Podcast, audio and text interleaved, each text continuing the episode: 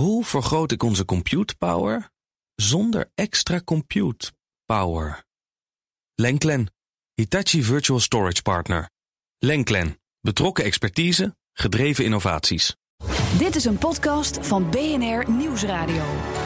Hartelijk welkom bij de Technoloog aflevering 117. 117. Welkom Ben, Ben Ja. van den Burg. Ja, welkom Herbert. Mijn naam is Herbert Blankenstein. Eh, we gaan het, eh, vandaag, wij gaan vandaag bio, heb ik in de, in de Twitter gezet. We gaan het hebben over eh, Ja, heerlijk. genetische editing. Ja, over CRISPR. En jij vindt dat geweldig. Waarom ja, vind je dat zo ik geweldig? heb dat onderwerp, ik wilde dat al echt... Nou, wat apart is, echt 2000, ik denk dat het 6, 7 was. Zo hadden we nog Mobile Monday in, eh, in eh, Amsterdam. En toen kwam eh Juri van Gees, ja, wie kent hem niet? En Juri die kwam Trendwatcher. trendwatchen met gene editing, dat dat toekomst zou zijn. En dat was het helemaal. En weet je, ik uit de mobiele wereld, ik dacht, vage, verre verhalen. En willen we dat wel met gene editing? En dan denk je natuurlijk aan dat Arische ras met Duitsland. Dus weet- je krijgt allemaal ideeën erbij. Denk ik, moet, moeten we dat? Maar toen eh, is het opvallend, en daar vind ik het interessant. Vanaf 2013 hebben ze, eh, hebben ze CRISPR ontdekt. 2012. hè? 2012 was het, ja. En, maar ook lang daarvoor. Ja, nee, natuurlijk, ja. Genetische editing is van... Ja, maar Nee. nee. het, waarom ik het interessant vind, omdat namelijk, weet je, Wired, Tech, dus alle tech-blogs die ik dan lees, weet je, die hebben het al heel, die hebben, CRISPR werd gelijk opgepakt. Ja. En mijn eerste vraag, en dit, ik vraag me af, we hadden in de trap net hadden we het een beetje over, waarom is dat? Nou, omdat er veel data bij komt kijken, maar ook omdat het maakbaar is. Het kan nu doeltreffender. Het kan Dat is doeltreffender. het idee. Dus dat, dat vind ik interessant. Dus het Ja. is een onderdeel van de technologie, dus de technoloog. Maar je denkt van nee, het is toch biologie. Dus ik zou graag als eerste vraag aan Ernst willen stellen. Kun je, kun je uitweiden waarom het wel bij technologie past of juist helemaal niet? Nou, ik denk dat het is een, echt een heel essentieel onderdeel van technologie, zou ik bijna zeggen. En ehm, het is fantastisch wat er wetenschappelijk gezien gebeurd is rond dat hele gene editing. En eigenlijk is er in de, in de loop der jaren is er natuurlijk heel veel informatie verzameld eh, op datagebied. We wisten steeds meer eh, over DNA. Eh, we kunnen sequencen tegenwoordig. Eh, we halen dus eh, eigenlijk allerlei monsters door de computer heen en we krijgen een prachtige genetische kaart. En dat is eigenlijk de basis waarop deze technologie kan profiteren. Want omdat we zoveel achtergrondkennis hebben van de genetische eigenschappen van planten, dieren, mensen. En we nu een technologie hebben die heel gericht veranderingen kan aanbrengen. Die combinatie maakt het mogelijk om dan ook heel gericht in mijn vakgebied dan te gaan veredelen. Ja, maar toch als we onze, ons, het DNA van een mens is toch heel complex. We hebben toch nog maar een heel klein beetje ontdekt wat, eh, wat je ermee kan, wat het is. Dat is ook zo. Maar als je ziet wat er in die technologie gebeurd is, hè, het in kaart brengen van. eh, Hoe gaat dat in kaart brengen?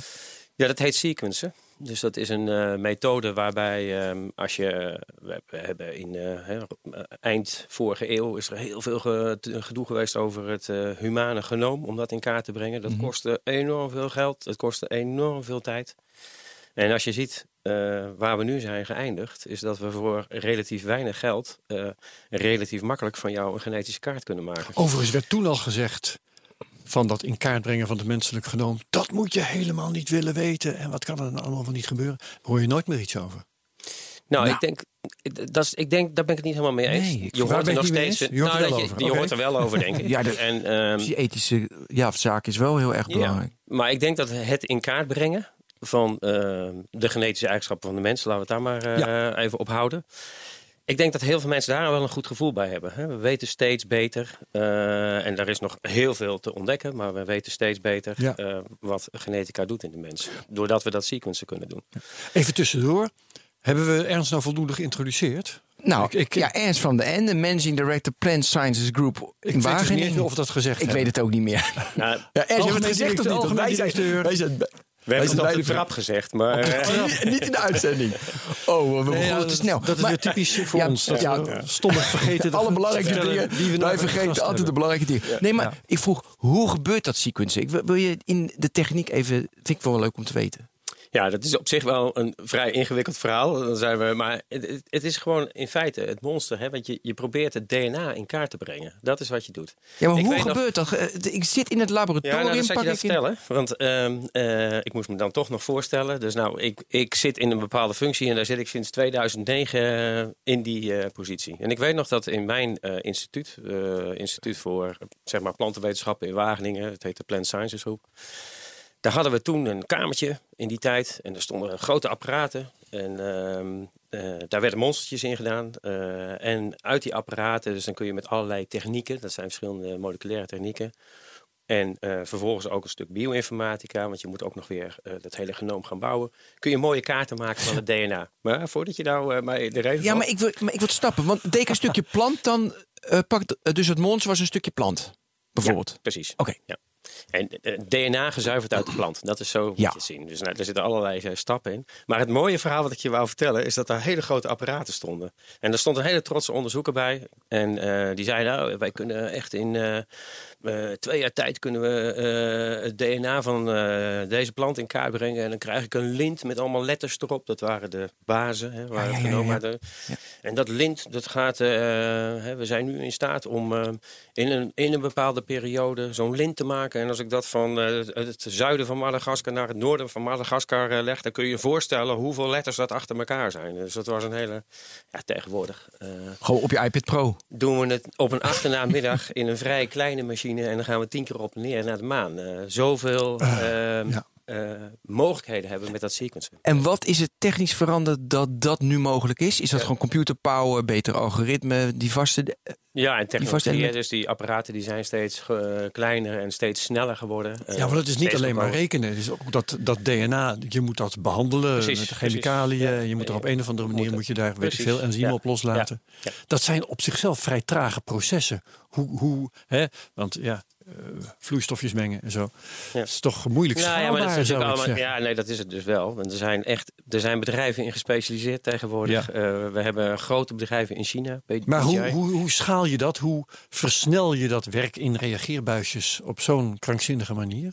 Nou ja, dat is. Ja, nogmaals, eh, daar weet, ik zelf, daar weet ik zelfs niet eens de technische achtergrond eh, van. Maar dit, is gewoon een, eh, een apparaat en technologie. eh, wat zich in de loop der jaren eh, enorm heeft ontwikkeld. Zoals elke technologie. Dat, dat vind ik eh, ontzettend interessant eigenlijk wel. Dus als direct, algemeen directeur van de Plant Sciences Group... hoef je dat niet eens meer te weten. Nee. Je koopt gewoon Alleen een maar besturen, Misschien man. eigenlijk ook wel. Ja, ja, ja, nee, dat klopt. Ik vind het wel geweldig. Nou, ik durf hier wel toe te geven dat als directeur van de plantenwetenschappen ik gelukkig een heleboel niet weet. Eh, Ja. maar dat ik de grote lijnen wel weet. En Ja, dat ik ook heel goed. goed. zie, en volgens mij is dat de essentie, hoe wij technologie in kunnen zetten. Om uiteindelijk die grote maatschappelijke doelen te bereiken die wij graag willen als eh Ja, plantenwetenschapper. En het- daar het- sturing aan te geven. Precies, want het gaat om eh, het veredelen van planten trouwens. En je kunt dat ook wel uitbreiden. Hè? Want eh, je kunt bij wijze van spreken ook mooiere vogeltjes maken. als je dat zou willen. Is Ja, tenminste het verhaal. Het begint eigenlijk voor mij eh, nog een stapje op een iets hoger abstractieniveau. Voor mij gaat het om eh, uiteindelijk een duurzame voedselproductie bieden Mhm. eh, in deze wereld. En we weten allemaal wat de grote maatschappelijke uitdagingen zijn, zou ik zeggen. 7 miljard mensen voeden. Nou ja, dat worden er dus meer. Eh, Ja. Dat worden er tien. En, ehm, eh, en dat alles ook nog op zo'n manier dat we niet de aarde kapot maken. Dus je wilt naar een duurzame voedselproductie. En liefst hè, op een manier waarbij je eigenlijk minder inputs gaat gebruiken. Dus minder bestrijdingsmiddelen, minder mest, eh, minder water. Mhm. En daar heb je een hele gereedschapskist voor nodig om Minder dat te energie. bereiken. Ja. En deze technologie waar we het vandaag over hebben, is een heel belangrijk onderdeel van dat gereedschap. Want uiteindelijk begint het, hè, je kunt zeggen ik wil alle bestrijdingsmiddelen de wereld uit, prima. Maar dan zul je wel resistente rassen moeten hebben. En die resistente rassen, die kun je kweken, dat noemen wij veredelen. En deze techniek kan daar een belangrijk eh, bijdrage aan leveren. Ja, want dat veredelen gebeurt natuurlijk al heel erg lang. Ja, ik zeg altijd meer als grap, hè, maar genetisch modificeren doen we al 10.000 jaar. Eh, uiteindelijk is dat allemaal begonnen met de domesticatie van eh, gewassen. Hond. Ja. Maar ook Ja, een hond. Ook een Ja, hond. tekkeltjes eh, van tekkel Ja. tot Sint-Bernard. En als je tegenwoordig, hè, en eh, doe het zelf als je thuis bent, waar ze op internet en toets de plaatjes in. Eh, neem mais maar als voorbeeld. Als je ziet hoe de voorouder van mais er 10.000 jaar geleden uitzag. Nou, dat was een onogelijk eh, plantje eh, wat een beetje op een gras leek. Theosinte heette dat. Daar is jaren aan veredeld om daar uiteindelijk een maiskolf uit te krijgen. En het grappige, het is best belangrijk om je dat te realiseren. Het is natuurlijk heel mooi dat dat gebeurt. is. er zijn allerlei dingen veredeld in het begin. Mhm. Ik heb ook al eens, uh, weet je, planten zijn per definitie helemaal niet gezond. Uh, die hebben er evolutionair alles aan gedaan op het moment dat je ze opeet. Ja, tuurlijk. Om je ja, dood neer te heel, Ja, dat is helemaal niet handig. Dat is niet handig. Dus. Ze moeten niet gezond zijn, nee. nee. Nou goed, en dat geldt dan vooral voor de, voor de, de, de bladgroenten, zeg maar. Dat is natuurlijk in de loop der jaren... Is er met veredeling een heleboel van die toxische stoffen ook uit wegveredeld, zodat wij het kunnen eten. Er zijn gewassen die je echt niet vroeger uh, ja. kon eten. Dat Voorbeeld? Je, uh, nou, maar de voorvangers. Ja, de, is zo giftig ja, de, de, de, de, vervang, de uh, voorouders ja, daarvan. Maar zelfs gewassen die we nu eten, bekende is uh, cassave, die moet je echt wel eerst uh, uh, prepareren. Als je die rauw eet, ga je plat. Dat zou ik niet doen. Ja. Okay. Nou, samenvatting daarvan, hè? fantastisch dat die planten allemaal geweldige inhoudstoffen hebben. Want kennelijk zit daar van alles in. Nou, dat blijkt ook wel, want we, we halen medicijnen uit planten. We halen van alles nog wat uit planten. Maar mijn, mijn boodschap is, in al die jaren hebben we planten veredeld die uiteindelijk ten dienste stonden voor de voeding van de mens. Maar die werden ook heel afhankelijk van de mens. Als jij op uh, zondagmiddag een uh, leuke boswandeling gaat maken, mm -hmm. zal het je niet overkomen dat je over een broccoli struikelt of in een komkommerplant verstrikt raakt. Uh, nee. Hè, die planten die kunnen niet meer overleven in de natuur. Mijn Klopt. boodschap is, ja, landbouw ja. is dus ook zo die is ongelooflijk kunstmatig eigenlijk. Hè? Uh, en of dat nou ja. conventionele landbouw is of biologische landbouw, doet er niet toe. Ja. Heel afhankelijk van de mens. En de mens is voortdurend aan het sturen. Mag ik hier een anekdote tegenaan gooien? Ja, want want um, ik heb dus een eerdere periode meegemaakt dat er heel uh, hard werd gediscussieerd over moeten we dat genetische manipulaat, ma manipuleren heette toen nog, moeten we dat wel willen? En uh, toen uh, had ik eens in zoveel tijd in het radioprogramma dat ik toen maakte bij de VPRO, had ik Huub Schellekens over de vloer. Die is nu hoogleraar en die heeft een interferon helpen ontdekken. En nou ja, en dat interferon, dat wordt gemaakt door genetisch gemanipuleerde bacteriën. En ja, moet je dat nou wel willen? Is dat niet gevaarlijk? Tovenaarsleerling effecten werd toen gezegd. Hè? En Huub Schellekes heeft dat in een paar woorden mij weten duidelijk te maken toen. Die zei dus, wat jij nu van die komkommers zegt.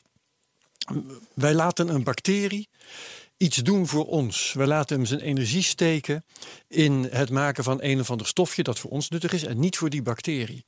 Dus als die bacterie in de natuur losbreekt, zoals dat dan genoemd wordt, dan staat hij op achterstand ja. tegenover mm -hmm. alle andere bacteriën die dat niet hoeven te doen. De alle andere ja, bacteriën kunnen hun energie steken in hun eigen overleving. En ja. deze bacterie zit een beetje een te verrond te maken. Die gaat het nooit redden. Nee. En dat is wat jij vertelt over die komkommers. Nou ja, die, die planten zijn gewoon heel afhankelijk geworden van de mens. Ja. Dat is hetzelfde. Mag ik in uh, wat als je dit verhaal vertelt, heb ik van kijk alles wat de mens doet, maakt, weet je, heeft altijd een backlash. Dus de andere kant. Ja, dus wat, wat, dus waar zie jij de backlash hier? Ja, ik denk, daar wil ik best. Uh, ik, ik, denk dat we dat verder op in, de, in het gesprek nog een keer moeten vragen. Want eigenlijk moeten we eerst maar eens vind ik, uh, uh, goed het? uitleggen waar we nou eigenlijk uh, op focussen in dit gesprek. Hè? Waar zijn we nu mee bezig? En er vliegen hier nu af en toe al termen over de tafel, over genetische modificatie in, in het verleden. Oké, okay, dus de maakbaarheid. Waarom hebben we het eigenlijk bij CRISPR-Cas ja. over een hele precieze technologie? En wat is daar interessant ja. aan? Ja, CRISPR-Cas zouden we het over hebben. Daar Eerst eventjes die, die kreet, CRISPR-Cas, waar, waar, staat het even voor? Ja, dat is, dat is natuurlijk een mondvol ingewikkelde, ingewikkelde afkorting. afkorting en woorden. Hè? ja, ik had hem gisteren ik dacht, ik heb hem niet in mijn notes gezet. vraag van maken, maar... uh... Heeft weinig zin. Ik wil heel graag, ik heb een keer een podcast geluisterd van de vrouw die dat... Om, ja. Twee vrouwen zijn het, hè? Jennifer Doudna. Ja. ja. Die heb ik uh, een mooi verhaal. Kun je dat ja. even vertellen? Ik ben het vergeten. Maar ik, toen ik het luisterde, dacht ik, oh, mooi verhaal. Ja, het gave van deze technologie is dat het eigenlijk gebaseerd is op een biologisch principe. En uh, bacteriën, die, die worden ook aangevallen door belagers. En in dit geval virussen. En deze technologie is eigenlijk gebaseerd op de afweerreactie van bacteriën tegen virussen. Dus wat gebeurt er uh, op het moment dat zo'n bacterie aangevallen, aangevallen wordt en dan komt dat virus eraan en die laat een beetje DNA achter. Dat DNA dat werd, uh, wordt eigenlijk in het DNA opgenomen van die bacteriën en dat is door die onderzoekers herkend. Dat waren stukjes die eigenlijk uh, voortdurend repeterend zichtbaar waren. Mm -hmm. Dat zit ook in die naam van CRISPR. En ehm, wat, wat het specifieke daaraan is, is dat het eigenlijk een soort uh, geheugensteuntje van die bacterie was. Van jeetje, als ik nou nog een keer door die virus aangevallen word, uh, dan weet ik uh, heel goed die virus te herkennen. En dan kan ik mijn afweermechanisme erop afsturen en dan kan ik dat virus afbreken. Nou, CRISPR-Cas, die samen, CRISPR duidt eigenlijk op dat herkenningsmechanisme. En dat gebruiken we nu in de technologie, waarbij je dus eigenlijk op, heel, op, op DNA-niveau heel goed dingen kan herkennen. Dus ook DNA in de planten. En Cas is eigenlijk het schaartje. En dat is eigenlijk het enzym Ja. wat je eh, gebruikt om, de, om een knip te maken. En in essentie hè, komt het erop neer dat met deze technologie, op het moment dat je daar eh, in DNA wat kan veranderen, dat je dat heel eh, spotgericht, hè, dus je weet heel goed precies de plek te bepalen waar jij de knip wil zetten. Ja. Ik heb hier de betekenis. Ik heb toch Circular. even. Kon, kon, het niet, kon het niet laten. Ja. Clustered, Ja, regularly interspaced, short palindromic repeats. Ja, daar hoor je in die repeats hè, het stukje wat ik je net vertelde ook. Ja. En, Ja, eh, en wat ik dus in die filmpjes allemaal zie, je hebt een string, daar gaat een schaar doorheen. Ja. Weet je, en dat kan zichzelf gewoon aan elkaar, maar nu zet je er iets tussen. Of niet. En dat is nou Of niet. eh, eh, het spannende, denk ik, ook om in deze uitleg mee te nemen. Want in de aanvang van dit gesprek hadden we het even over gene editing. Hè? Dus een precieze knip zetten. Ja. Als je praat over genetische modificatie, dan hebben de meeste mensen die hebben de associatie met wat we in de vorige eeuw deden. Dus eh, dat noemden we transgenese. Dus dat zijn de bekende dingen eh, die in soja zijn gebeurd. Waarbij een stukje DNA in het DNA van een plant is geplaatst. Een stukje DNA van het ene organisme Ja, ja. in dat van het andere Precies. organisme. Je leent een gen en. eh. Of een stukje DNA van dezelfde soort. Dat zou ook kunnen, hè? dan praat je over cisgenese. Kan ook nog, ja. Kan allemaal. Maar dat is echt het plaatsen van DNA. Met deze techniek praten we eigenlijk over mutaties. En wat zijn nou mutaties? Mutaties zijn eh, kleine veranderingen op het niveau van een base. Base is eh, uiteindelijk in letterlijke zin de base van het DNA. Eén letter uit de genetische code. Ja, DNA bestaat uit, eh, uit combinaties van vier letters. A, C, T en G. Dat hebben we allemaal op de biologielessen gehad. Nou, een, een heel scala aan die letters bepaalt uiteindelijk de genetische kaart. En wij kunnen precies op letterniveau, laten we het zo maar zeggen, eh, met deze techniek een knip zetten. En dan kun je dus eigenlijk een lettertje veranderen. Nou, dat gebeurt in de natuur ook. Onder allerlei natuurlijke invloeden ontstaan mutaties. Hè. Mens muteert ook. eh, onder invloed van UV kunnen Ja. planten mutaties Straling, krijgen. chemicaliën. En dat is nou precies de discussie. Fouten in de Ja, fouten. Ja, fouten. Eigenlijk is mutatie natuurlijk de basis van onze evolutie. Hadden we geen mutaties, eh het is een heel belangrijke driver achter eh, veranderingen die we hebben gehad. Ehm, nou wisten ze dat al in de veredeling. Ze wisten, je kunt kruisen, daar krijg je natuurlijk allerlei foutjes door de, de celdeling of wat dan ook, daar krijg je mutaties mee. Maar er is in het verleden zijn er ook wel methoden gebruikt om heel bewust mutaties aan te brengen in het DNA. En hoe de- deze dan? Kwamen ze met een gereedschap eh, bommen binnen, noem ik dan maar. Eh, straling of eh, zware metalen. En daar bombardeer je eh, het DNA van een plant mee. Dan krijg je volstrekt willekeurige mutaties.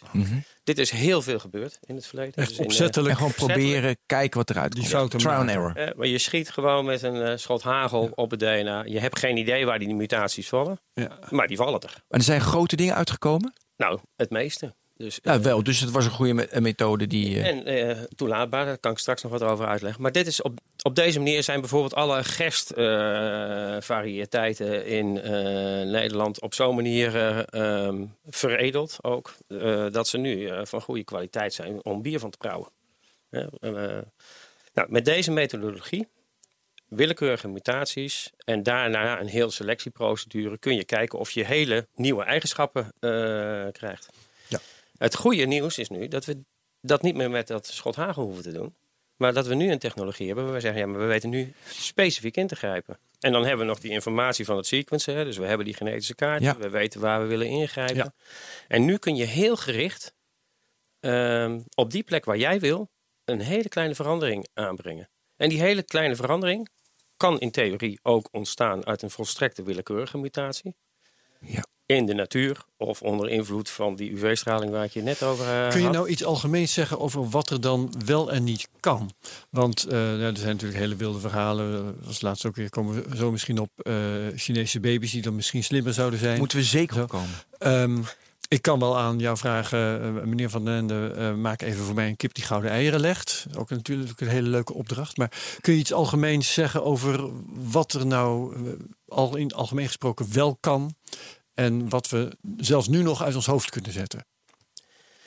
Ehm, dat, dat is een, er zijn heel veel mogelijkheden. Ja. Ehm, en eigenlijk is wat je met CRISPR-Cas doet, is het versnellen eh, van wat je in de normale traditionele veredeling ook zou kunnen doen. Ja.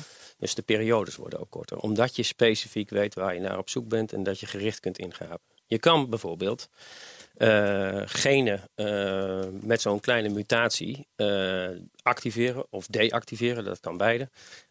waardoor een plant resistent wordt tegen een bepaalde ziekte. Ja.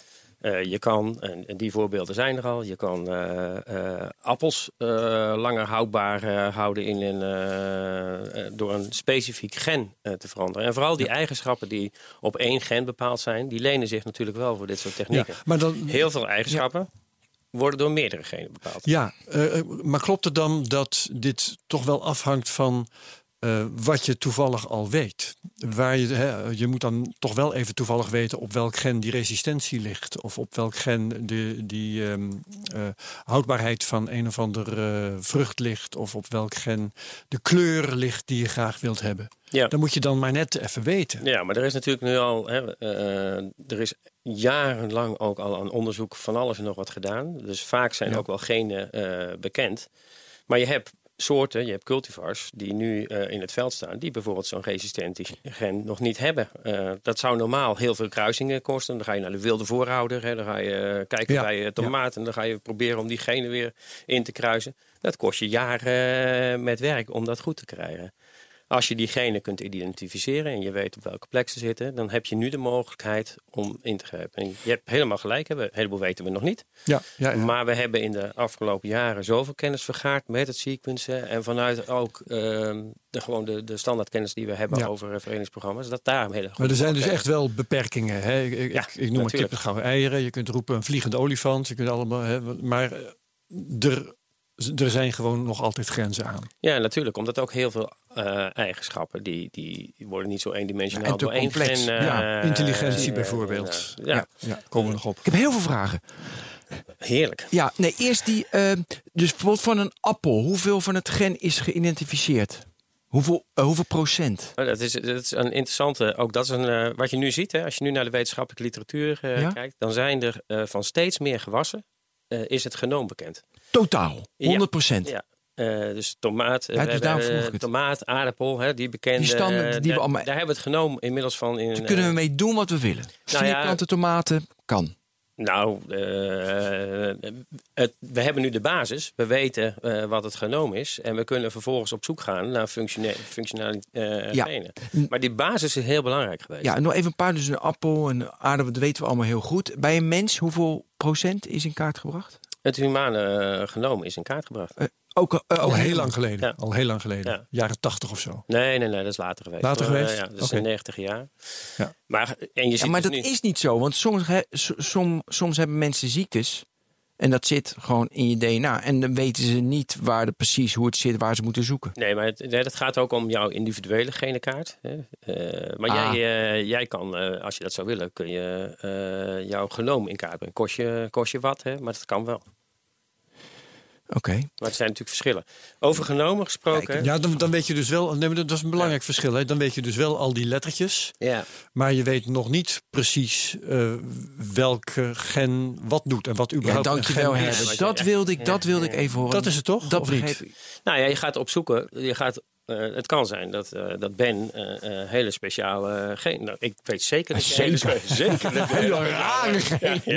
Nee, maar er, er is dus volgens mij een verschil tussen, Nee, tussen ja, ik wil die, even die, rij, die rij lettertjes. Ja. En weten wat al die combinaties van lettertjes allemaal doen. ja, dat is ook zo. Oh, precies. En dat is nog ik. niet allemaal bekend, volgens mij. Ja, Ja. ik had nog wel. Maar, ehm, uitkomsten. Dus je haalt het weg. Weet je, met dat bombarderen er komen er, kwamen er denk ik soms uitkomsten dat je dacht van hoe kan dit, toch? Nou ja, Wat weet je hoe dit in het verleden ging? Eh, Laten we, laten we eerst maar weer eens even 10.000 jaar eh, teruggaan. Hè, waar mensen ook aan het kruisen. Ja. En in die loop der jaren ging men met allerlei dingen proberen. Ja, wat gebeurt er dan in een normale selectieprocedure? Dus je hebt een kruising gemaakt, je gaat weer uitzaaien. Nou, sommige die vallen al dood neer. Kennelijk zitten daar mutaties in die Ja. al zo beperkt.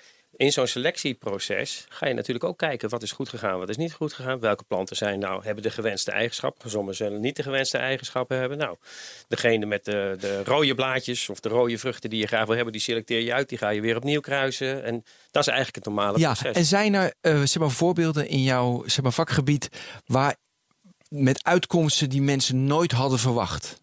Dat, dat- dat je dacht, nou, dat dit uit is gekomen. Ik moet heel erg aan kunstmatige intelligentie denken. Weet je, dat er wel eens uitkomsten zijn die mensen niet verwachten dat er uitkomt. En de- Nou, dat, dat heb ik niet. Dit is een heel geleidelijk proces, denk ik. Oh, jammer. Eh, Ik dacht hele ja, rare jij dingen. Meteen, eh, ik wil hele rare dingen horen. ja, ja, dat snap ik. Nee, dat is niet. Oké. Ehm, ja, oké, dat waren tot zo. Maar je hebt dus wel, ja, je hebt soms hele spectaculaire dingen. En dat is dan vaak een mutatie. En dus dan, is, dan valt er ineens een, eh, een, eh, een eh, vrucht op die geen geel vruchtvlees heeft, Ja. maar rood vruchtvlees heeft. Het is niet dat er meteen een En appel dat- met twee oren en haren, hè, maar dat, dat was een beetje waar jij naar op zoek was. Nou, maar dit Maar zo en toe is rood. Ja. ineens een andere kleur. Ja. Ja. Ja, dat is heel interessant. En Ja. dan wordt er ook heel erg gekeken van, ja, wat, wat, wat is daar genetisch gebeurd? Of een, eh, een eh, appelras, laten we het maar even over appels hebben.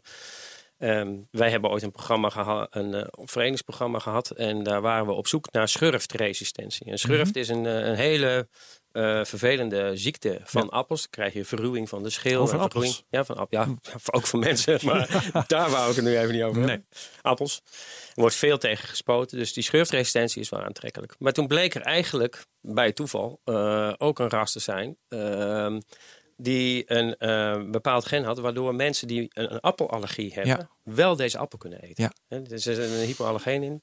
Nou, dat zijn mooie eh, ontdekkingen eh, en, en verrassende ontdekkingen, die je natuurlijk in het verenigingsprogramma dan gaat. Serendipiteit. Dus toch, dat was eigenlijk Gelukkig. een van, ja. Ja, eh, zijn er, ehm, het is nu 2009 en nu, weet je, eh, kan je nu een zelfhelpkit, kan ik thuis makkelijk, eh, zeg maar, CRISPR-Cas toepassen? Hoe moeilijk is het nu?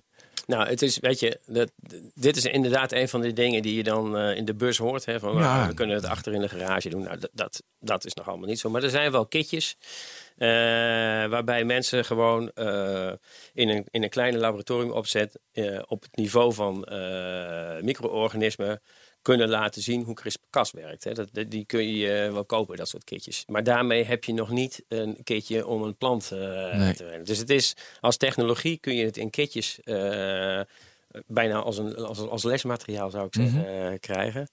Maar het vergt nog wel heel veel onderzoek en begeleiding om dit te doen. Wat wel zo is, en dat is misschien wel ook de achtergrond van je vraag. Deze hele CRISPR-technologie is wel een technologie die ten opzichte van wat we hadden relatief eenvoudig, relatief goedkoop is. Dat is eigenlijk ook wel een belangrijk gegeven. Want dat betekent ook dat je eh, met deze technologie, bijvoorbeeld met minder financiële eh, Precies. middelen, Meer onderzoekers. ja, eh, stappen zou kunnen zetten. Ja, En dat hoor je dus ook heel veel in de discussie. Hè? Ehm, we hebben natuurlijk een aantal grote verenigingsbedrijven die bij naam heel erg bekend zijn. En er wordt ook eh, over gesproken van, ja, hebben die niet te veel macht? Ja, dit is nou juist een technologie die heel geschikt is voor kleine start-up bedrijven die iets nieuws willen gaan doen, eh, omdat het relatief. ja, terwijl ik in de voorbereiding wel las over een patentoorlog. Daar wil Ja, ik dat ook klopt. naar vragen. Ja. Maar waar zit dat dan? Nou, dat zit, eh, we- je benoemde net al eh eh Jennifer Doudna, die dus aan de basis heeft gestaan van die hele crisis. Overigens hebben daar meer mensen aan de basis gestaan. Wij zijn er in Wageningen heel trots op dat we John van der Oost hebben. Gaat hij het ook claimen? Nee. Dit is ongelooflijk. Nee, ik vind altijd waar je, Nederlandse tro- waar, je, waar je trots op moet zijn, dat moet je delen met elkaar. Nou, Vind ik ook. dit- Nee. Hier zijn wij trots op. En Ja. eh, John is een, eh, een professor bij ons in eh, Wageningen. En die heeft ook afgelopen jaar de Spinoza-prijs gekregen. En de Spinoza-prijs, hè, dat, is toch wel als wetenschapper in Nederland. De wil je die Nederlandse graag, eh, Nobelprijs. Ja, bijna, precies. Ja. En gebaseerd op dit werk. En ook hij heeft heel erg gewerkt aan dat afweermechanisme. Nou, het mooie denk ik wat er nu gebeurd is. eh, je, je hebt het over die patentoorlog. Er worden natuurlijk allemaal eh, mensen die, die hebben geclaimd... ja, wij hebben deze technologie. En, eh, Ja. we, we- Belangen komen om de hoek kijken. Ja. Ja. dat heb je altijd. Eh, en het is heel onduidelijk. Dus die oorlog, jij noemt het oorlog. Nou, Nou, het is vooral een juridische strijd. Hè, dus het is heel onduidelijk wie nou werkelijk het eh, patent heeft. En dat is ook wel lastig. Dus je ziet ook grote bedrijven die eigenlijk deze technologie willen gebruiken, zijn wat huiverig, omdat nu nog niet duidelijk is wie nou eigenlijk de patenthouder is. Ja, en, en dat, is, dat is wel een dingetje. Want je, leest dat veel. hè, De, de naam van Monsanto komt dan Ja. wel eens tevoorschijn. Hè, dan, want die hebben dan eh, resistente rassen. Dat is Ja. waar, waar, waar jij ook naar, naar op zoek bent. Waar je denkt, deze techniek voor de kunnen gebruiken. Ehm, maar ja, als die resistente rassen uh, in het bezit komen via patenten van een bedrijf dat dat kan monopoliseren um, en daar extra veel geld voor kan vragen en boertjes in de derde wereld kan verplichten om dat alleen bij hun te betrekken, dan um, span je het paard achter de wagen. Ja. Ja, die discussie over Monsanto die ligt eigenlijk wat breder, eh, moet ik zeggen. Ja, ze zijn niet de enige die patent hebben, maar ik gebruik het even als voorbeeld. Nee. Um, het mooie is dat je, en dan ga ik toch maar even terug naar. 10.000 uh, jaar geleden? Nee, oh. nee, nee, nee, dit geval niet. Nee, nee. Maar in de veredeling heb je eigenlijk um, uh, twee soorten um, IP. We noemen het patent is IP, ja, ja, intellectual property. En je hebt de patenten en je hebt kwekersrecht. Kwekersrecht is eigenlijk iets vergelijkbaars. En kwekersrecht, dat hebben de veredelingsbedrijven onderling afgesproken. Uh, daarmee mogen ze hun eigen materiaal, of je mag materiaal van de concurrent gebruiken in je kruisingsprogramma's. Op het moment dat daar dan een commerciële variëteit uh, uitvloeit, dan moet je daar wel uh, een uh, licentie over afdragen. Maar dat opent de weg naar innovatie. Patent is eigenlijk strikter en, en mm -hmm. daarmee beperk je innovatie. Dus daar is ook een heel enorme discussie over. En er is ook een enorme discussie over: moet je nou patent alleen op technologie hebben? CRISPR-Cas is een technologie. Ja. Of mag je ook plantengenen? En dat was een beetje wat jij. Ontdekkingen en uitvindingen zijn dan. Uh, ja. nou, persoonlijk ben ik niet zo'n voorstander van patenten op plantengenen. Uh, dat vind ik geen goede ontwikkeling. Ik vind patenten op technologie wel een goede ontwikkeling, want het kost mm -hmm. geld om een technologie te ontwikkelen. En daar mag best de, de vinder voor beloond worden uh, ja. in dit geval. En vervolgens kun je dat allemaal in principe goed regelen. Als, als helder is wie de patenteigenaar is, dan kunnen daar. Uh, en dat hoeft in principe de boel niet op slot te zetten. Nou, ik weet best dat daar allerlei dingen over te zeggen vallen. Ja, de farmaceutische industrie is op dit moment ja. nogal in discussie. Ja. ja. Maar het bijzondere is, hè, patenten zijn ooit bedacht om juist innovatie te stimuleren. Want je ging je patent beschrijven, uh, zodat anderen het konden gebruiken. Uh, ja. En je moet er dan een, een financiële afdracht aan doen. Uh, je kan het ook op de Coca-Cola manier doen. Dan zeg je niet wat je hebt gedaan, dan heb je een geheim en dan kan niemand het gebruiken. Ja, nee, inderdaad. Dat is de, inderdaad de discussie. Ja. ja. Ik, mogen ook naar mensen nog? we kunnen naar mensen. gaan we dan ook naar angsten? Is ja, dat, uh, de, bij ja. mensen komt er ook angst. Dat is een van ja, de basisemoties daar, die we daar hebben. we ook wel een vraag over. Uh, ja, via nee, um, dus nou ja, we kunnen gelijk naar die, naar die, naar die Chinese baby's. Vind ik wel. Ja, ja is actueel. Daar, precies, ja, dat ik, was... ik beloof je echt dat ik bij de Chinese baby's uitkom. Ja. Uh, maar, maar ik, een, ik, wil een mooi aanloopje nemen. Ja, maar prima. Goed. Dus, um, en dat gaat inderdaad over gewoon de discussie. Uh, ja. uh, waarom hebben we angst voor deze technologie? Ja. Zal ik een voorbeeld geven? Van, dus, uh, die tweet ga ik dan toch even voorlezen. van Red Bloom, daar zit, dat is Ed Mulder Evertjan, dus dat zal Evertjan Mulder, Mulder wil zijn. Stelt de volgende vraag, heel intrigerend. Waarom besteedt Nederland nu pas aandacht aan CRISPR, terwijl de wetenschap al jaren hiervoor waarschuwt? Dat is niet wat jij hier zit te doen. Nee. Dus vertel eens wat, want, want jij, jij zal meer over dit onderwerp praten en waarschijnlijk ook wel meer horen over wat, wat er leeft nou, binnen en buiten de wetenschap. Dus uh, hoe zit dit? Uh, we hebben net al uh, aangegeven, hè, CRISPR, dat, deze technologie kennen we sinds 2012. waar praten we over? We, hebben, ja. we zijn nu zes, zeven jaar ja. verder.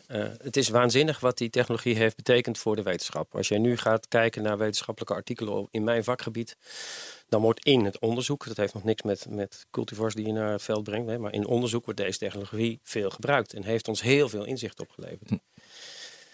Waar zit de angst? Nou, de angst zit in mijn optiek ook heel vaak in het onbekende. Ik vind echt, als ik terugkijk en van de geschiedenis leer, en laten we dan maar de Monsanto-verhalen uit uh, eind vorige eeuw nemen. Hè, dus, uh, de, de, in de India. Hele, de, de, hele discussie over genetische modificatie. Ja.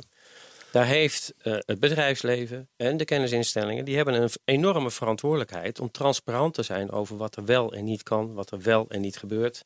En hoe zich dat verhoudt tot andere technologieën. Ja. En met name ook dat laatste vind ik heel belangrijk. Um, nou ja, ik, we zijn dit gesprek Ja, maar wat doe je er precies mee? Nou ja, dat, ja? dat heeft dus heel erg met die... Uh, we begonnen dit gesprek met... Uh, we zijn gewend om in de veredeling met klassieke mythogenese te werken. Ja. Dat is weer uh, oh, schieten met, met, uh, ja. met dat ah. schot hagel. We hebben nu een technologie die veel preciezer is. Ja. Um, die klassieke mythogenese is toegelaten. Uh, ik wil het heel graag in het perspectief plaatsen elke keer. En ik wil proberen te duiden aan mensen wat er nou gebeurt. Ja. Nou, dan ga ik allerlei, dan, dan, maak ik reuzensprongen. En dan de helft van de wetenschappers die zou denken, wat zegt hij nou allemaal? Want hij maakt het veel te eenvoudig. Maar het helpt enorm soms om om het beeld neer te zetten waar we het eigenlijk over hebben. Nou, ik pak de tomaat. De tomaat heeft een uh, genoom uh, van 1 miljard bazen. Nou, als ik dat nou eens in boeken, bladzijden en letters uit ga drukken. Dan heb ik het over 200 boeken. Uh, elk boek 1000 bladzijden. Vol met woorden en letters. Dat is het genoom van de tomaat. Mm -hmm. Oké. Als ik een wilde tomaat vergelijk met een, hè, dus die van 10.000 jaar geleden, met op het moment een commerciële tomaat, dan zit daar grofweg in uh, vier boeken van die 200, die zijn volledig herschreven. Alle letters veranderd, hele grote veranderingen. Dat is in die loop van die 10.000 jaar gebeurd. Als ik klassieke mutagenese uh, zou gaan uh, toevoegen, dan, ga ik, dan heb ik die 200 boeken. En dan ga ik uh, overal scheuren, scheuren en, schieten. Ja. Dan vliegen er letters uit. En, Schudden, ja. En ik kan dan met deze technologie kan ik één letter veranderen.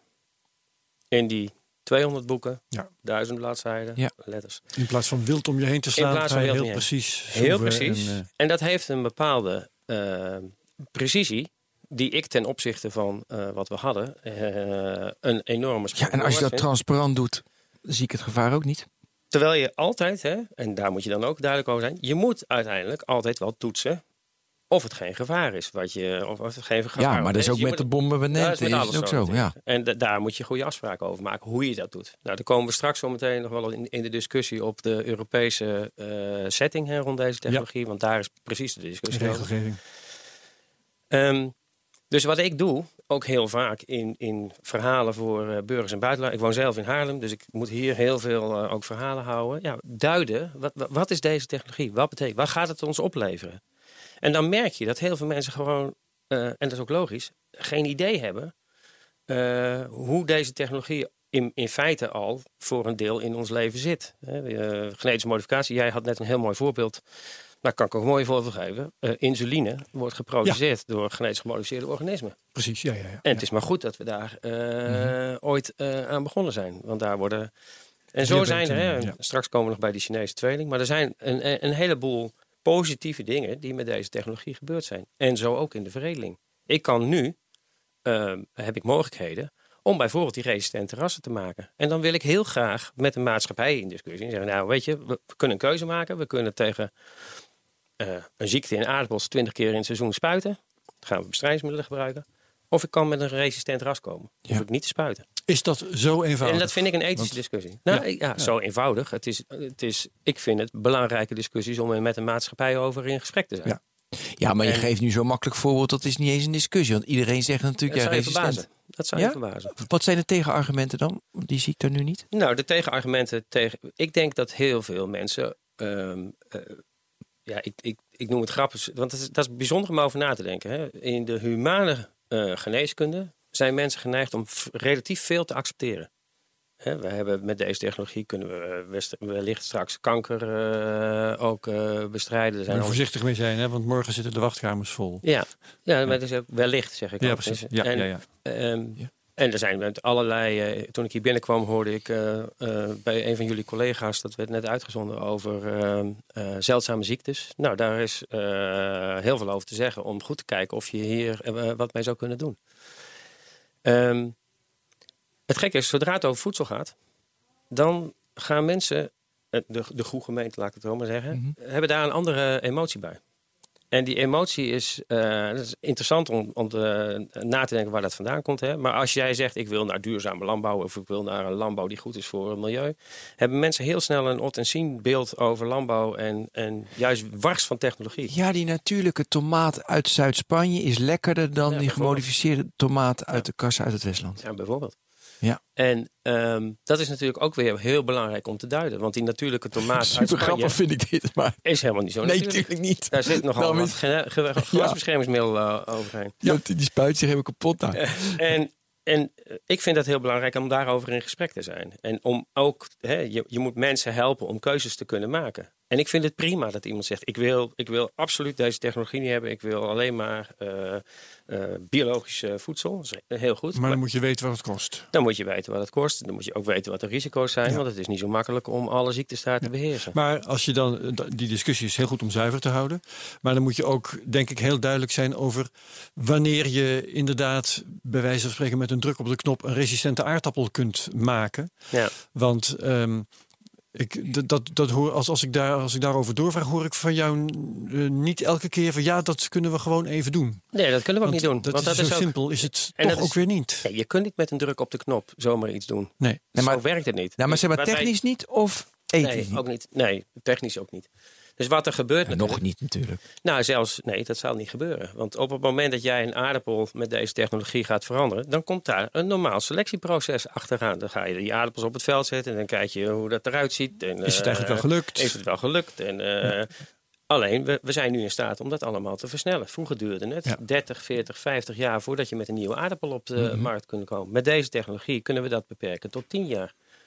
15 jaar, 10, 15. Maar daar zit natuurlijk daar zit een enorme winst. En ik vind de urgentie voor op dit moment vind ik enorm groot. En de Ja. urgentie die vertaal ik aan de maatschappelijke uitdagingen. Ja, we, moeten voldoende voedsel produceren. We moeten dat op een duurzame manier doen. En in die urgentie, en in, eh, daar zit voor mij een enorme, ook bijna persoonlijke driver... om uiteindelijk die hele gereedschapskist open te trekken. En dit is één onderdeel van de gereedschapskist. Om ervoor te zorgen dat we naar een duurzamere voedselproductie trekken. Ja. Maar ook zelfs na eh CRISPR-Cas-bewerkingen blijft dus een, een, hele procedure volgen van eh, testen of het wel gelukt is, of je geen andere dingen Tuurlijk. hebt opgeblazen eh, terwijl je iets moois Tuurlijk. installeerde. Of niet, ja, of, het, of het wel goed groeit, of, het niet gevaarlijk is. Of en, het- ja. en daar is nou weer precies de discussie over. En dan komen we eigenlijk langzaamaan bij die Europese discussie die we afgelopen zomer hebben gehad. Want wat is nou de huidige stand van zaken? We praten over een mooie technologie. Maar eh, in Europa eh, heeft men besloten dat dit echt een GMO-technologie is. Dus genetisch gemodificeerde. En dat betekent dat dat alleen onder hele strikte regelgeving eh, mag. En met enorme veiligheidsdossiers. En ik ga je straks Ja, je ziet mij lachen, want ik Ja. ik heb erop. En dat betekent dat het gewoon eigenlijk op dit moment onmogelijk is in Europa. Je moet door te veel hoepeltjes ja. springen, te veel red tape. Dus je ziet ook eh, nu een hele hoop hè, vanuit de wetenschap. Ik ben zelf lid van een eh, soort Europese community van plantenwetenschappers. Eh, nou, er, is een, er zijn heel veel wetenschappers die, die kijken naar ja, wat gebeurt er. En, eh, natuurlijk moeten we, moeten we alle risico's goed eh, in kaart brengen. Maar nu eh, worden we eigenlijk afgeremd in een ontwikkeling die in andere continenten eh, wel doorgaat. En dat heeft ermee te maken dat Europa ook op een andere manier naar risico's kijkt. Eh, in Amerika is deze technologie wel toegestaan. In eh, Canada is deze technologie toegestaan. En dat komt omdat zij uiteindelijk eh, beoordelen of het product wat uit een veredelingsprogramma is gekomen, of dat nou afwijkt van een product wat natuurlijk eh, had kunnen. Nou, dat is niet zo, want dat heb ik net al uitgelegd. Ja. Hè? Mutaties kunnen ook in de natuur. Ja. Eh, dus dan zeggen ze, oh, dan hoeft het niet als GMO gereguleerd te worden. Want we hebben er geen vreemd DNA in gestopt. We hebben, eh, Ja, dus- GMO is genetically modified organisms, organisms. ja. eh, in Europa is het proces vooral, is, het, ehm, is de, de regelgeving vooral op het proces. Wat heb je gedaan? Wat heb je gedaan? Ja. En zodra je eh, wat in het DNA hebt veranderd, om het maar heel makkelijk te zeggen, Is de boot aan? is nou ja, de boot aan, dan wordt het als een GMO geclassificeerd. Ja. Nou is het bijzondere, en dat is misschien een, een beetje een ingewikkeld verhaal, dus tackle me maar als ik hele rare dingen ga zeggen. Kom op. Ehm, maar in die uitspraak van eh, de rechter eh, afgelopen zomer, ehm, daar ehm, is wel gezegd, ja, maar eh, de klassieke mutagenese, en let wel, dat was die technologie waarbij we met een schot hagel schoten, die heeft zich al veilig bewezen in de afgelopen eeuwen. Dus die mag wel. Dus die hoeft niet gereguleerd te worden. En dat, dat, als wetenschapper kijk ik daarnaar en denk ik, hé, hey, dat is wel, hè, dat is Maar bijzonder. zelfs, Ja. als, maar zelfs als die rechter deze podcast luistert, heeft hij al van, dit is gek. Dus bedoel, Nou, ik denk dat hij juridisch eigenlijk wel gelijk had. Eh, dat is het bijzondere. Hè? Je kunt juridisch en je kunt. eh, eh, juridisch wordt er Nou, namelijk in, in, binnen Europa wordt er gezegd. Nou, zodra je aan het DNA hebt gezeten, is het een GMO. Dat noemen ze de directive. De GMO-directive, die is in 2001 opgesteld. Waarom noem ik dat jaartal? Kom ik zo op terug. 2001 opgesteld. En toen hebben ze bij die directive hebben ze een annex gemaakt. De annex 1A heet die. En in die annex staat, ja, eh, alle gewassen die met klassieke mutagenese eh, zijn eh, ehm, gemaakt, die, die zijn ook GMO's. Maar ze krijgen een uitzondering, want zij zijn veilig. Dus ze hoeven niet gereguleerd te worden. Dat is de annex 1A. Ja. Ja, dus de, de motorzaag is, eh, d- dat mag en het Ja. pincet, Nee. dat mag niet. Nou, en wat je nou ziet gebeuren in Europa, dus, nou, eh, CRISPR-Cas heeft zich nog niet veilig bewezen, want het is eigenlijk een relatief jonge technologie. Hè. We hebben het net over 2012 gehad. Dus de rechter zegt, daar ga ik geen annex voor maken. Dat valt niet onder de bestaande annex. Dus die heeft gewoon gezegd, boem, eh, GMO. Nou, nou is er een hele discussie gaande, ook in Europa. Kunnen we niet, hè, dat zou misschien de eerste, de, de eerste mogelijkheid zijn, kunnen we niet een tweede annex in die directive krijgen? En tegelijkertijd wordt ook al gezegd, ja, maar die directive is ook niet meer van deze tijd. Die is in 2001 opgesteld. Er is al zoveel gebeurd in wetenschap. Je zou eigenlijk de hele wet moeten herschrijven. Ja, Wetten herschrijven in. Europa, Ja. jaar kansloos. Ik wil even eh, op, het, op de kritiek op die design, op, die, op, de, op de tweeling in China, was onder andere, we weten niet wat de lange termijn effecten zijn. Dacht ik, ja, dat, dat weet je niet, want dan moeten ze eerst 21 zijn. We gaan En straks over, kinderen hebben gekregen. ja, dus eh, dat weet je niet. Maar dat, dat is waar. De techniek, ik ga even mee. hè. De techniek 2012, je weet niet als je bij die aardappel iets specifieks eruit haalt en iets specifieks niet, weet je niet de lange termijn effecten van Nee. die aardappel. Dus ja, dat Maar argument. daar ben je na drie seizoenen wel achter eh, als het om Nou ja, maar ook als ik hem eet, misschien krijg ik wel, eh, wel ja. Nou, dat kan helemaal niet. Dat kan flaporen krijgen als ik ouder ben. Weet je, maar nee, maar, weet je, ja, maar zo gaan ze denken. Want dat deden ze ook bij die baby's. Nou ja, weet je, ook hier weer, hè, hier heb je eigenlijk twee discussies. Je hebt eh, eh, gevaar en risico. Ehm, een haai is heel gevaarlijk, Ja. dat weet iedereen. Maar als die achter glas in de dierentuin zit, kun je er toch redelijk dichtbij eh, gaan staan en is er nul risico. Ja. En eh, de beoordelingen in, eh, in Europa die zijn heel erg op dat gevaar. Dus op het moment dat een stof gevaarlijk is, moet je maar bewijzen. Ik moet bewijzen dat die haai niet gevaarlijk is. En die zou ook, hè, dus, en alleen maar zeggen er zit een ruitje tussen, dat is niet voldoende. Ehm, wat ik daarmee wil zeggen, er zijn natuurlijk een heleboel producten op de markt waarvan wij ook niet weten Nee. wat de lange termijn is. Eh, ik, Met- met- nee. eh, zo, ik kan het je nog sterker vertellen, er zijn producten op de markt. Zo, eh, die heel slecht zijn. Dan op de komen lange la- termijn. Ja, En die hebben eh, deze hele Suiker, discussie. sigaretten. alcohol, Koffie. Ja. koffie. Oh man. Dus het is een. Maar goed, het is een gegeven. Hè? Het is een gegeven dat die regelgeving zo in elkaar zit. En ik denk dat het belangrijk is nu, en dat is ook een taak voor wetenschap en industrie, dat je eigenlijk moet proberen om binnen, binnen die, die eh, vragen over veiligheid te zeggen: ja, wat zijn nou eigenlijk de marges van eh, die Waar praten we over? En doen we nou dingen die anders zijn dan in de traditionele veredeling? Ja. Hè? Dan heb je het over een soort eh, bandbreedte. Brengen we nou dingen in die totaal anders zijn? Nou, dan moet er een gedegen veiligheidsrisico. Ja. Of brengen we dingen in die al bekend zijn? Ja, dan, dan zou ik zeggen, dan bewijst het zich veilig. Waar er jullie is mee nog te nood- maken hebben, dat eh, hebben we volgens mij in de digitale wereld al heel vaak gezien. Eh, rechters en trouwens ook eh, wettenmakers, we- wetgevers, die eh, de technologie niet begrijpen. Klopt dat? Ehm, ja, maar ik denk dat, dat, nou, ja, dat, is, dat is eigenlijk wel heel makkelijk om ja te, ja te zeggen. eigenlijk niet. Ja.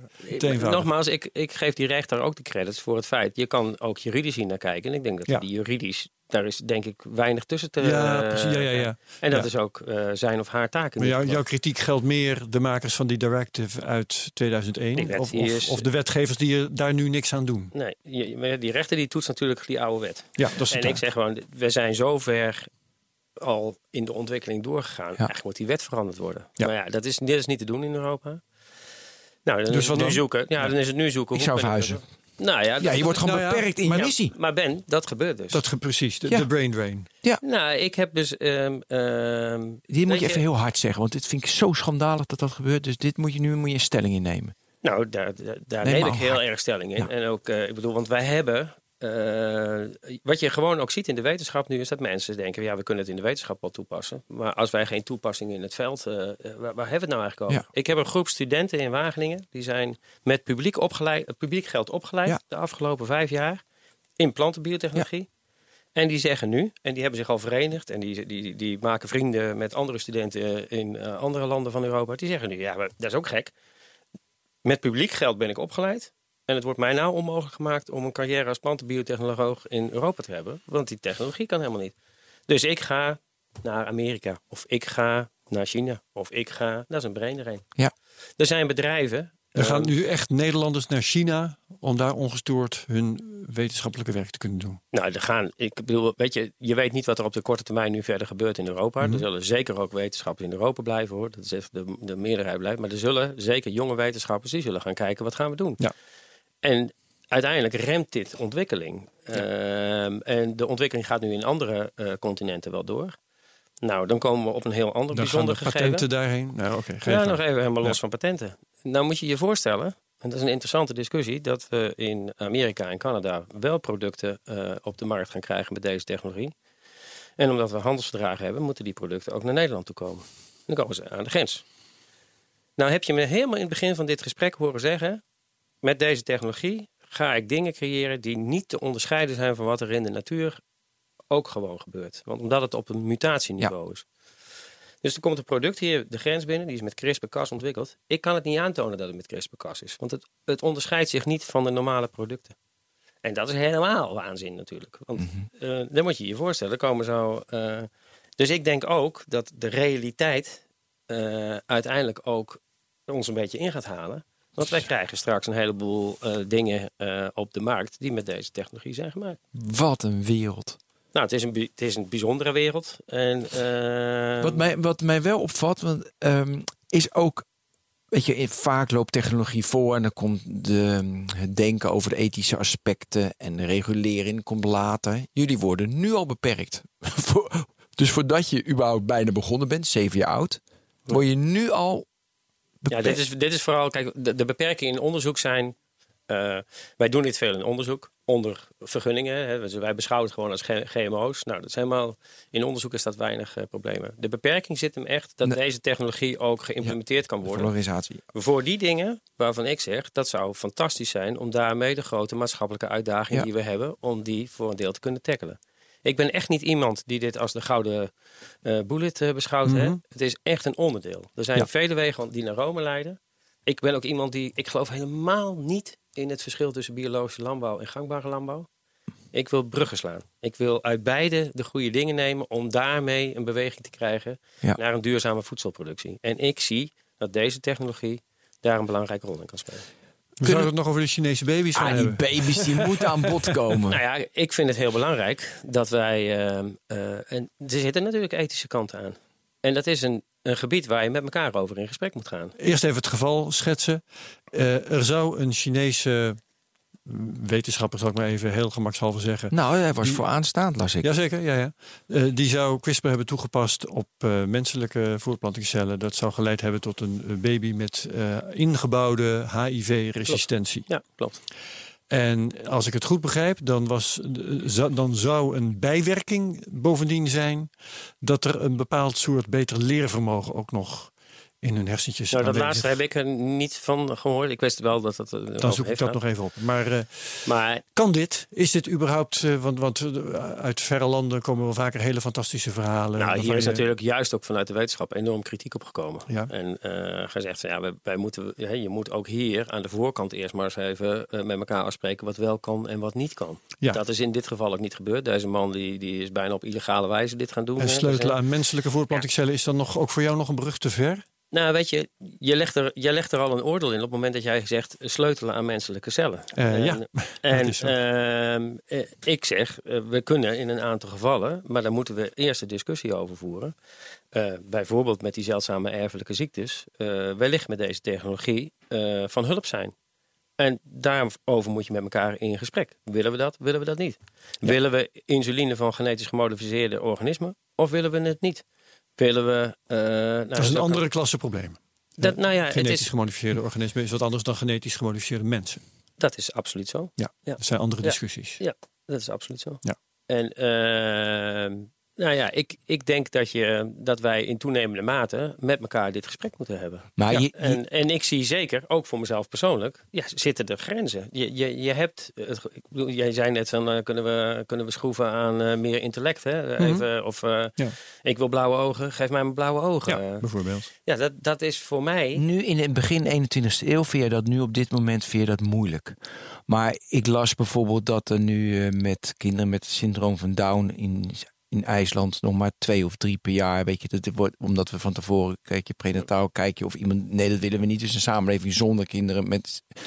Nou, is dat wenselijk of niet? Eh 30, 40 jaar geleden, nou, dat belachelijk. En nu in bij IJsland, Denemarken, is het al, weet je, word je, moet je bijna verantwoorden als je wel een kind met het syndroom van Down hebt. Ik heb nog steeds van, dat is ook raar. Ja.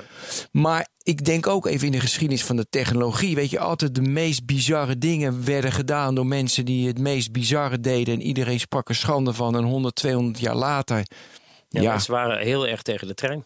Ja, ik precies. ja, zeggen, nee, maar harder dan ik- 20 km per uur, dat zou Ja, echt slecht zijn voor de ademhaling. Bij, en zo. bij 60 km per uur knallen we uit elkaar. Maar weet je, dat soort, daar moet ik ook wel aan denken. Ja, maar dat ontslaat je niet van de discussie. Nee, die En, discussie eh, moet je voeren. Die moet je voeren en die moet je eh, zeg maar aan de voorkant met elkaar ook goed over in gesprek. Ehm, wij zijn nu in Wageningen, hebben we de, de, het initiatief genomen om de zogenaamde CRISPR-Con te organiseren. Dat is een grote conferentie die we in juni eh, in Wageningen plaats laten vinden. En dan gaan we eigenlijk met het hele veld het gesprek aan. Dus er zullen daar op het podium eh, mensen zitten die eh, uit ethische overwegingen hier tegen zijn, of uit religieuze overwegingen.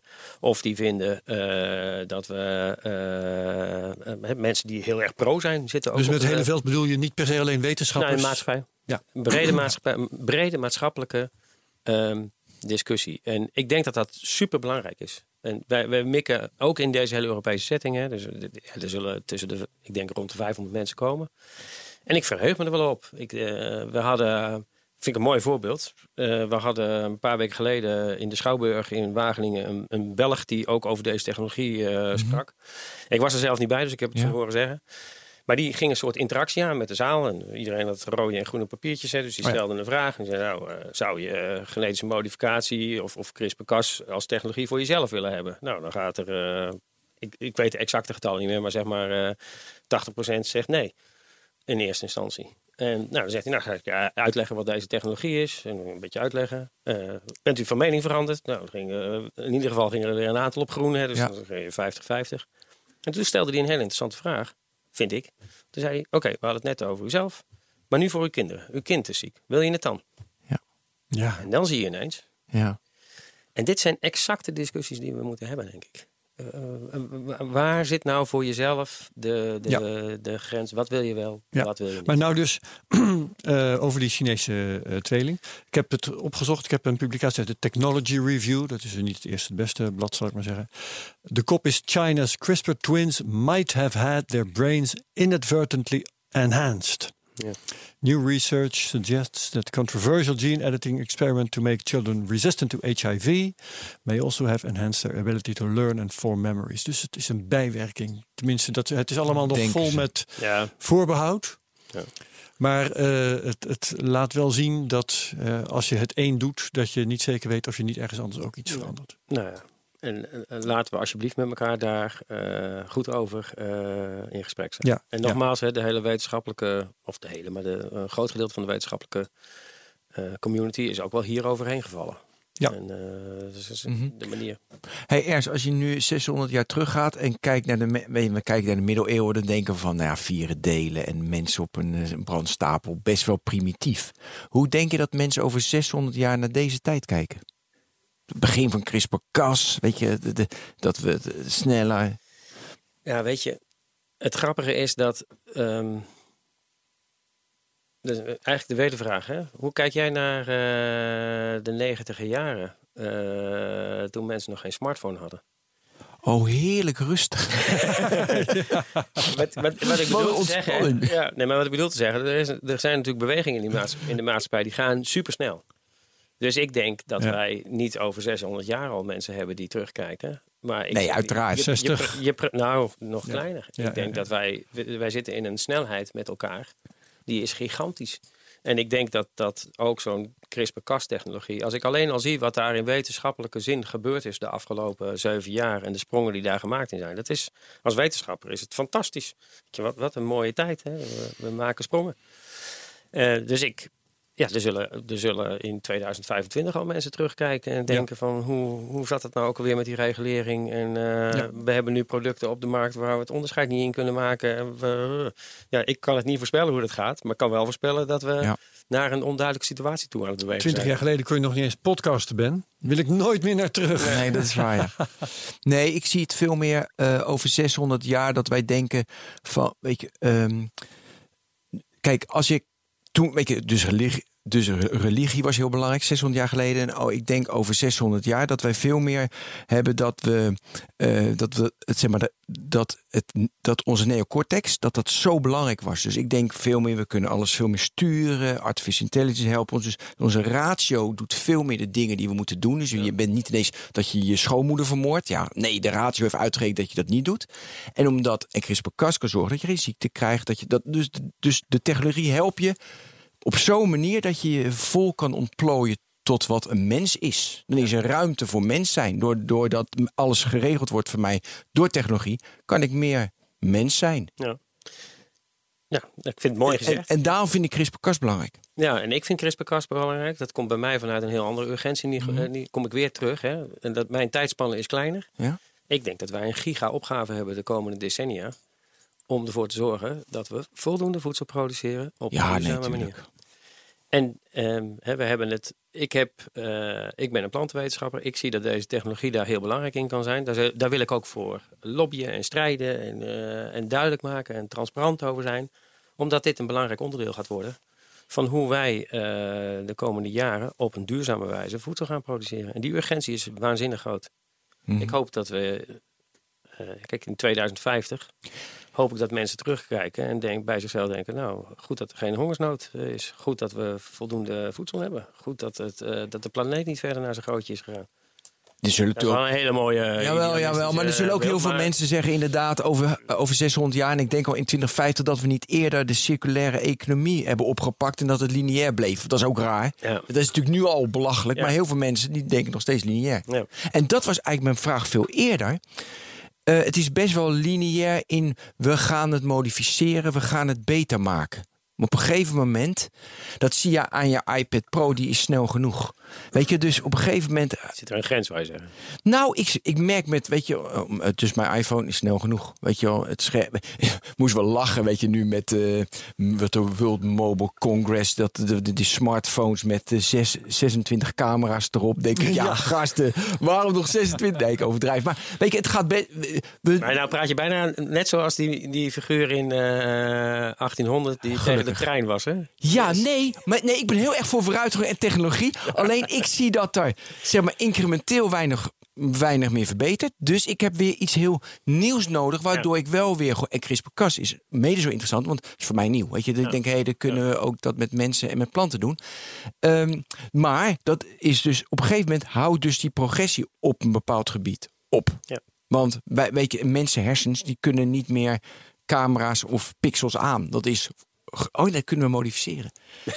Mooi! Ja, ik, weet- niet of dat kan.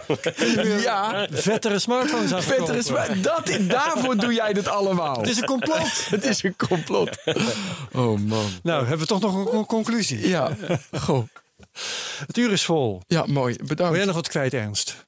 Nou, nee, dankjewel voor eh, de uitnodiging. Superboeiend, En, eh, dankjewel. Leuk om, eh, Ja, om hierover met jullie in gesprek te zijn. Ja. Vond ik ook. Ben Bedankt, Herbert. Ja, Dankjewel.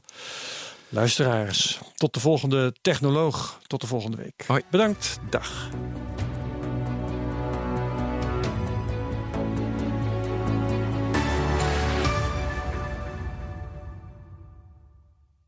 Hoe vergroot ik onze compute power zonder extra compute power? Lenklen, Hitachi Virtual Storage Partner. Lenklen, betrokken expertise, gedreven innovaties.